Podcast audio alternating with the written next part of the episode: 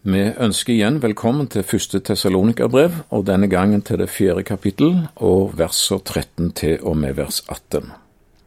Men vi vil ikke, brødre, at dere skal være uvitende om dem som er sovnet inn, for at dere ikke skal sørge som de andre, de som ikke har håp. For så sant vi tror at Jesus døde og sto opp, så skal Gud ved Jesus også føre dem som er sovnet inn, sammen med ham. For dette sier vi dere med et ord av Herren. Vi som lever og blir tilbake inntil Herren kommer, skal aldeles ikke komme i forveien for dem som er sovnet inn. For Herren selv skal komme ned fra himmelen med et bydende rop, med overengels røst og med Guds basun, og de døde i Kristus skal først stå opp. Deretter skal vi som lever, som har blitt tilbake, sammen med dem rykkes opp i skyer, opp i luften for å møte Herren. Og så skal vi for alltid være sammen med Herren.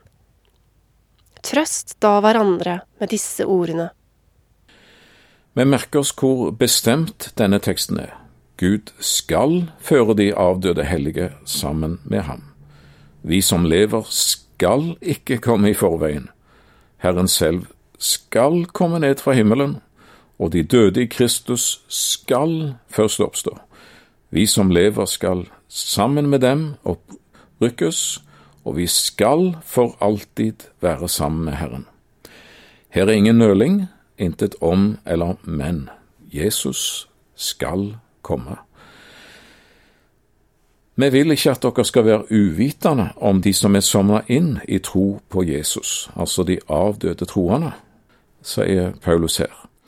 Det var faktisk store hyller i tessalonikernes kristne kunnskap, kapittel 3 og vers 10. Det var mye Paulus ikke rakk å undervise de om under sitt korttidsopphold der, og tessalonikerne ser ut til å ha venta Jesu gjenkomst i si levetid. Kanskje hadde dødsfall i forsamlingen aktualisert spørsmålet som nå plaga de. Kanskje hadde de stått ved ei grav, og så enda ei, og ei til, fulle av sorg, fortvilelse og spørsmål. Hva skjer nå med disse? De døde jo før Jesus kom igjen. Går de glipp av den store begivenheten? Får de ikke oppleve forvandlingen og bli Jesus lik, og få se han som han er? Får de bare del i en lavere form for frelse, en second class salvation, at de slipper fortapelsen, men må ta til takke med en slags sjelesøvn eller noe annet, men at de altså ikke får del i den fulle herlighet, fordi de døde før Jesus kom igjen? Spørsmålstegn. Mange spørsmål. Paulus besvarer disse med et ord av Herren, vers 15, og det er hva vi behøver, ikke mennesketanker eller teorier. Guds ord har trøst å gi når det angår de som døde i tro på Jesus. Virkelig trøst, som gjør at dere ikke skal sørge som de andre, de som ikke har håp, vers 13. Merk, det står ikke at vi ikke skal sørge, for det slipper heller ikke Guds folk unna i møte med døden. Men vår sorg er ikke håpløs.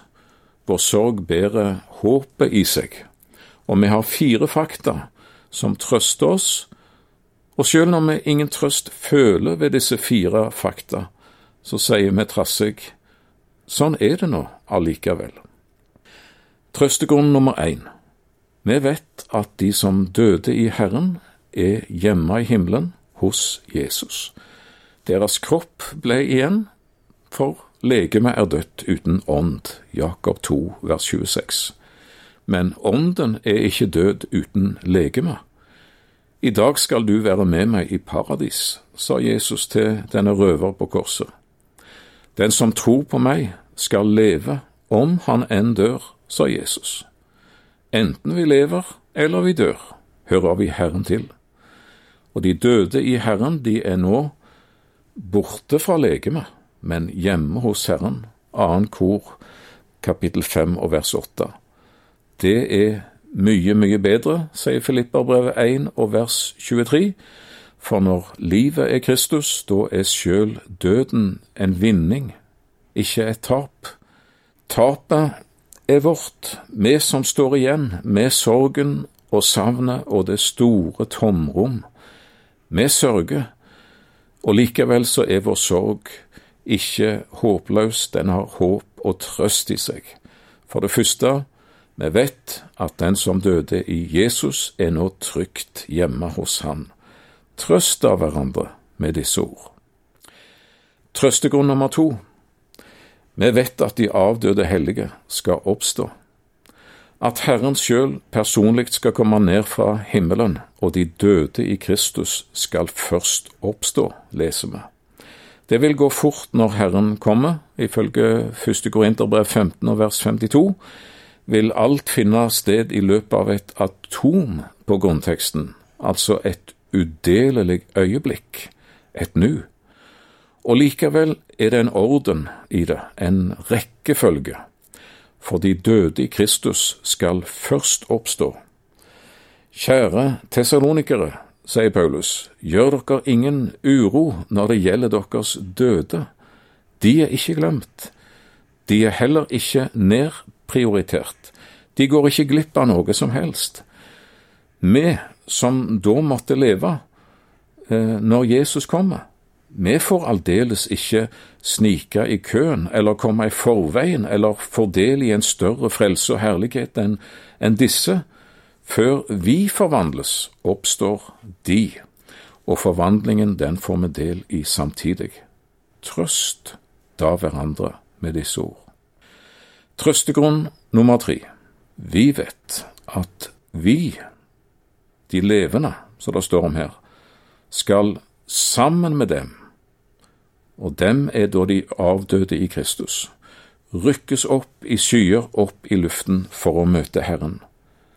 Sammen med dem. For et vakkert uttrykk det er. Det betegner samfunn, fellesskap, et lykkelig gjensyn mellom vi, de levende, og dem, de som vi for ei tid blir atskilt fra ved døden. Vi skal sammen med dem møte Herren. Bedre tider kommer, lysere tider, lykkeligere og varmere tider, for vi møtes hos Jesus en dag. Så vi tar ikke et siste farvel ved ei troendes kiste, men vi sier stillferdig på gjensyn hos Jesus. Mange, mange har gått foran oss, og dersom Jesus ikke kommer igjen i vår levetid, så vil jo også vi som vi her står om, som nå lever, bli iblant dem, som de kalles her, altså de avdøde troende. Vi forfremmes, vi flyttes høyere opp, vi opptas i den utellige skare som har til felles at de alle er rensa i Jesu blod. Og Bibelen kaller den store samlingen av alt Guds folk i Hebreabrevet 12 og vers 22 for eh, festforsamlingen. Vi møtes, og det er sammen med. Der har du det uttrykket igjen, ikke sant? Det er sammen med alle de hellige vi skal fatte og kjenne bredde, lengde, høyde og dybde i Kristi kjærlighet. Efeserbrevet 3 og vers 18-19. Og det er vår trøstegrunn nummer tre at vi møtes og samles hos Jesus for siden aldri å skilles. Trøst da hverandre med disse ord.